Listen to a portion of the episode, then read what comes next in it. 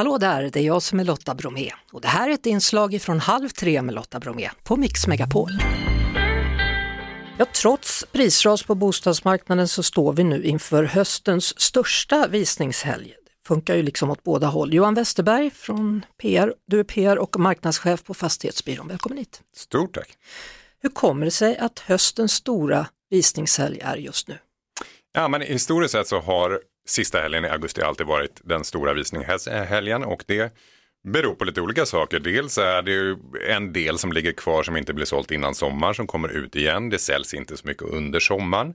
Eh, och många vill komma ut tidigt i säsongen så kommer också väldigt mycket nytt. Så att det byggs på och eh, liksom blir en stor visningshelg just då. Hur funkar det för er då? Har ni också märkt av osäkerheten som råder?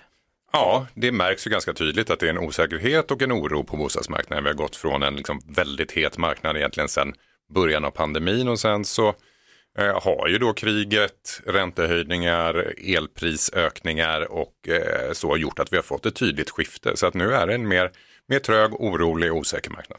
N när vi säger då höstens största visningshelg, pratar vi bara om Stockholm då eller pratar vi om hela landet? Då pratar vi absolut om hela landet. Jag har förstått att det finns ett slags mellanskikt då som är så att säga det, det mest svårsålda. Förklara. Ja, men vi kan se nu att när det är en lite mer trög och lite mer orolig marknad så finns det fortfarande en stark efterfrågan på liksom toppobjekten, de som är lite top notch och inte har några fel. Eh, sen så kan det också finnas en marknad för det som är liksom det billigaste eh, skiktet på marknaden. Men det här lite mellanskiktet som är, ja det är bra läge men kanske inte det bästa och bra skick men kanske inte det bästa är lite mer svårt att sälja just för att det finns ganska mycket av den typen av bostäder. Mm. Hur, hur skiljer sig intresset mellan lägenheter och småhus eller villor? Nej, man kan säga att där har det ju varit eh, i den här heta marknaden under pandemin så har det väldigt stort tryck på villor och större bostadsrätter. Nu har det där skiftat sig och gått tillbaka lite till ett normalläge skulle jag ändå säga. Man kan se en liten tendens till att det är lite trögare för tvåor och treor nu. Och ettor och större lägenheter går lite bättre. Eh, och villor är fortfarande en stor brist på, så där är en stor efterfrågan också. Eh, ska vi ta lite tips då? Om vi börjar med den som ska sälja en bostad, hur ska man tänka?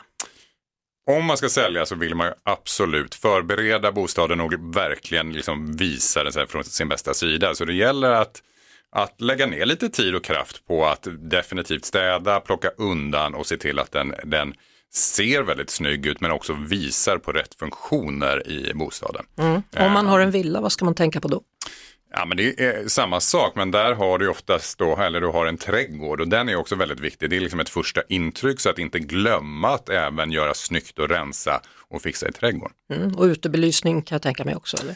Ja, men nu har vi ju, det börjar gå mot lite mörkare tider så att belysning generellt är viktigt. Speciellt om man har, har ju ofta då efter helgen omvisning på kvällarna på måndag eller tisdag och då är det, kan det ju vara lite mörkare. Så då är belysning både inne och ute väldigt viktigt så att man får en härlig känsla men också kan se ordentligt liksom, eh, i bostaden.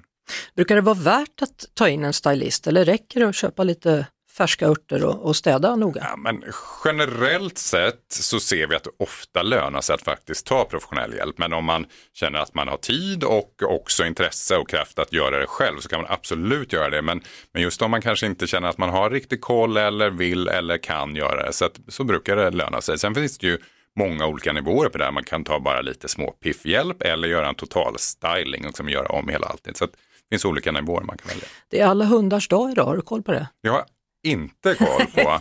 Nej, jag har ingen hund och, och ingen superhundmänniska, Nej, men det är men, trevligt. Ja, men hur funkar det? Kan husdjur dra ner på värdet eh, på en bostad? Eh, alltså inte generellt om de inte har gjort någon allvarlig skada eller att det liksom blir väldigt otrevligt att komma in i en bostad om man är allergiker och börjar liksom eh, ja, må dåligt direkt när men man kommer in och måste man... gå därifrån. Men, men generellt så skulle jag säga att det, det brukar inte vara något problem. Ja, man ska inte sätta sin söta hund i ett hörn?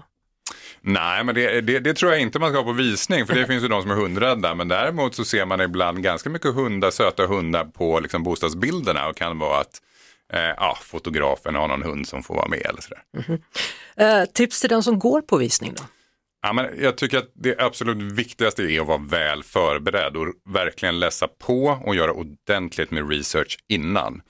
Eh, dels för att man kanske inte ska lägga tid på något som är intressant. Det är faktiskt relativt vanligt att det kommer visningsbesökare och så upptäcker de att det inte finns någon hiss i huset och då går den bort. Så de har ändå tagit sig dit i onödan, det står ju på bostadsbeskrivningen. Men också för att eh, vara beredd. Ibland går det ju faktiskt även i den här lite trögare marknaderna väldigt, väldigt fort. Så att budgivningen kan komma igång och då måste man liksom vara med på tåget. Då har man inte riktigt tid att göra det där efter. Så det är bra att vara väl förberedd innan. Och sen måste man liksom se bortom stylingen också antar jag. Vad man ja, själv man, vill göra med lägenheten exakt. eller villan. Ja exakt, när man väl är på visningen så, så ska man ju försöka se bort från hur det är möblerat, hur det är stylat och tänka och visualisera hur man själv skulle bo där och hur man kan fixa det där. Tack så mycket Johan Westerberg, PR och marknadschef på Fastighetsbyrån. Stort tack. Det var det. Vi hörs såklart igen på Mix Megapol varje eftermiddag vid halv tre. Ett poddtips från Podplay. I podden Något Kaiko garanterar östgötarna Brutti och jag, Davva, dig en stor dos skratt. Där följer jag pladask för köttätandet igen. Man är lite som en jävla vampyr. Man har fått lite blodsmak och då måste man ha mer. Udda spaningar, fängslande anekdoter och en och annan arg rant. Jag måste ha mitt kaffe på morgonen för annars är jag ingen trevlig människa. Då är du ingen trevlig människa, punkt. Något kajko, hör du på podplay. Därför är gardinerna.